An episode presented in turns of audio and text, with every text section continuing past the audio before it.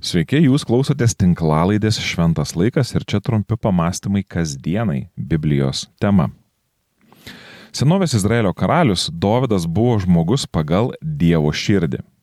Biblijoje yra apstu jo sukurtų psalmių bei pakankamai išsamei yra aprašytas jo gyvenimas. Ir kaip būdinga Biblijai, joje mes randame ne tik Dodo šlovingus darbus, bet ir jo tamsiausius nuopolius. Vienas iš tokių yra užrašytas antrosios Samuelio knygos 13 skyriuje. Dodo sunus Absalomas turėjo gražią įseserę vardu Tamara. Dovido sunus Amnonas ją aklai įsimylėjo Amnonas taip kankinosi, kad susirgo dėl savo įseserės Tamaros, nes ji buvo mergelė ir Amnonui atrodė neįmanoma ką nors jai padaryti. Amnonas turėjo draugą vardu Jonabadas, Dovido brolio Šimėjo sūnų. Jonabadas buvo labai gudrus vyras. Amnoną jis prakalbino. Karaliaus sūnau, kodėl tu kas rytą toks nuvargęs? Argi man nepasakysi? Amnonas jam atsakė, aš myliu Tamarą, savo brolio Amsalomo seserį. Jonabadas jam tarė, atsigulk į lovą ir apsimesk sergantis. Kai tėvas ateis tavęs aplankyti, sakyk jam, prašyčiau leisti mano seseriai Tamarai ateiti ir paraginti mane valgyti. Jei ji pataisytų ką nors gardaus mano akise, man žiūrint, aš iš jos rankos valgyčiau. Antroji Samuelio knyga, 13 skyrius, 1-5 eilutės. Kaip jau supratote, šis pasakojimas nėra tiesiogiai apie karalių Dovydą, o apie jo pirmagimį - Amnoną. Tačiau šis pasakojimas labai jau primena vos prieš keletą skyrių, pirmoje Samuelio knygoje, 11 skyriuje nuo 1 iki 5 eilutės užrašytą pasakojimą, kai vieną dieną Dovydas pamato gražią moterį ir, atrodytų, visiškai nedada jokių pastangų susivaldyti. Jo nesustabdo net žinia, kad moteris yra vedusi. Dovydas sugula su moterimi, bandydamas nuslėpti savo nuodėmę, nužudo tos moters vyrą, o moterį pasiima savo į žmonas.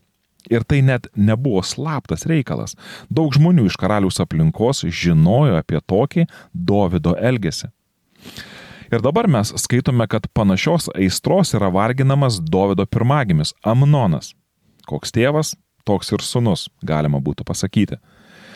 Amnonas verda savo aistroje ir ji varo jį į neviltį, kol jis nesutinka patarėjo, Jonabado, kuris jam patarė apsimesti sergančių ir paprašyti karalius leisti Tamarai jį slaugyti. Iš Jonabado žodžių būtų sunku įskaityti tokio patarimo motyvą, tačiau tai, kad Jonabadas buvo gudrus vyras, galima spręsti, jog patarimas nors ir pavadinkime taip aptakus, vis tik pradėjo tam tikrą įvykių seką, kuri galimai jau, na, galima buvo ir suprasti, kuo jinai baigsis. Amnonas apsimeta sergančiu, Tamara jam paruošia maistą, Amnonas dar labiau yra deginamas tos aistros, kol galiausiai jis išprievartauja savo seserį. Ir tai yra labai liūdnas pasakojimas apie aistrą, kuri žiūri tik savęs. Tamara lieka amžiams pažeminta ir paniekinta. Amnonas, patenkinęs savo aistrą, bando gyventi toliau lyg niekur nieko. Tačiau ir vėl, toks elgesys nelieka be pasiekmių ir praėjus dviems metams mes skaitome Biblijoje, kad Amnonas yra nužudomas Tamaros brolio Abisalomo. Čia aš galiu įsivaizduoti, jog a, toks pasakojimas skamba lyg kokio filmo scenarius. Tačiau tai nebuvo filmas, o tikras gyvenimas Dovido šeimoje. Pats Dovydas, akivaizdu, iš pasakojimo nieko neįtarė. Ir žinoma, kodėl turėtų. Bet viskas baigėsi tragiškai. Amnonas išprievartavo savo seserį ir praranda visą ir panardina visą šeimą į neapykantos ir kovos dėl valdžios liūną. Kaip minėjau, viskas prasidėjo kur kas anksčiau, kai Dovydas pats neatsispyrė aistrai ir išprievartavo vedusią moterį.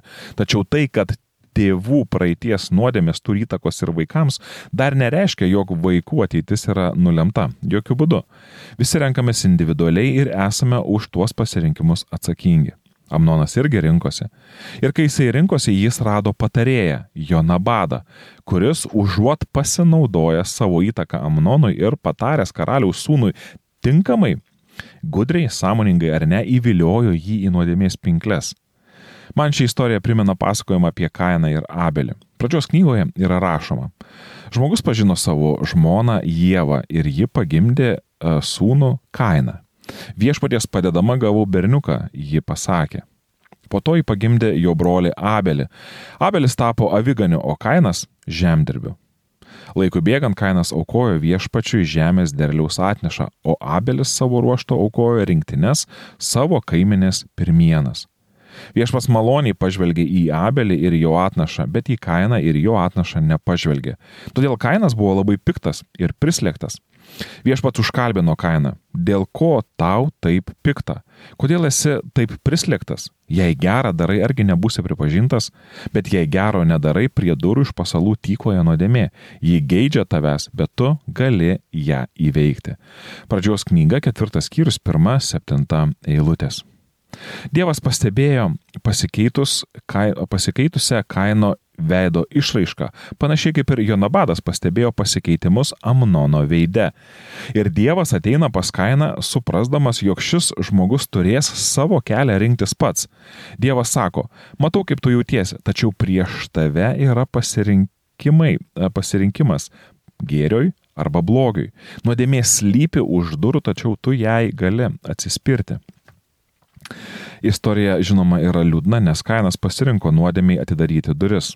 Jonabadas, išgirdęs Amnono atvirą prisipažinimą meiliai savo seseriai, nepasako jam to paties. Matau, kaip jautiesi, prieš tave yra du pasirinkimai.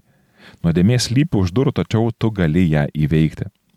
Neaišku, Ramnonas būtų išgirdęs tokį Jonabado perspėjimą, tačiau toks patarėjas būtų labiau panašus į Dievo dvasios veikimą nei paprastas padrasinimas nesivarginti ir ieškoti būdų patenkinti savo nuodėmingą aistrą.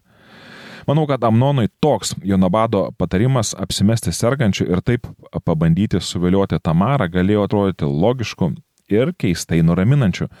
Tačiau ne kiekvienas logiškas, nu, logiškas ir nuraminantis padrasinimas yra kelias į gyvenimą. Tokiu pat logišku ir nuraminančiu galėjo tapti padrasinimas mesti nuodėmę iš galvos.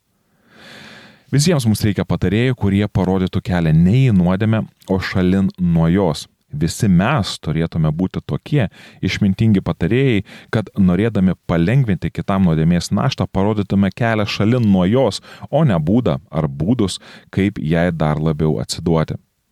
Amnonas rinkosi pats, žinoma, tačiau Jonabado asmenyje jis rado sąjungininką, kuris palaikė jo nuodėmingas aistras.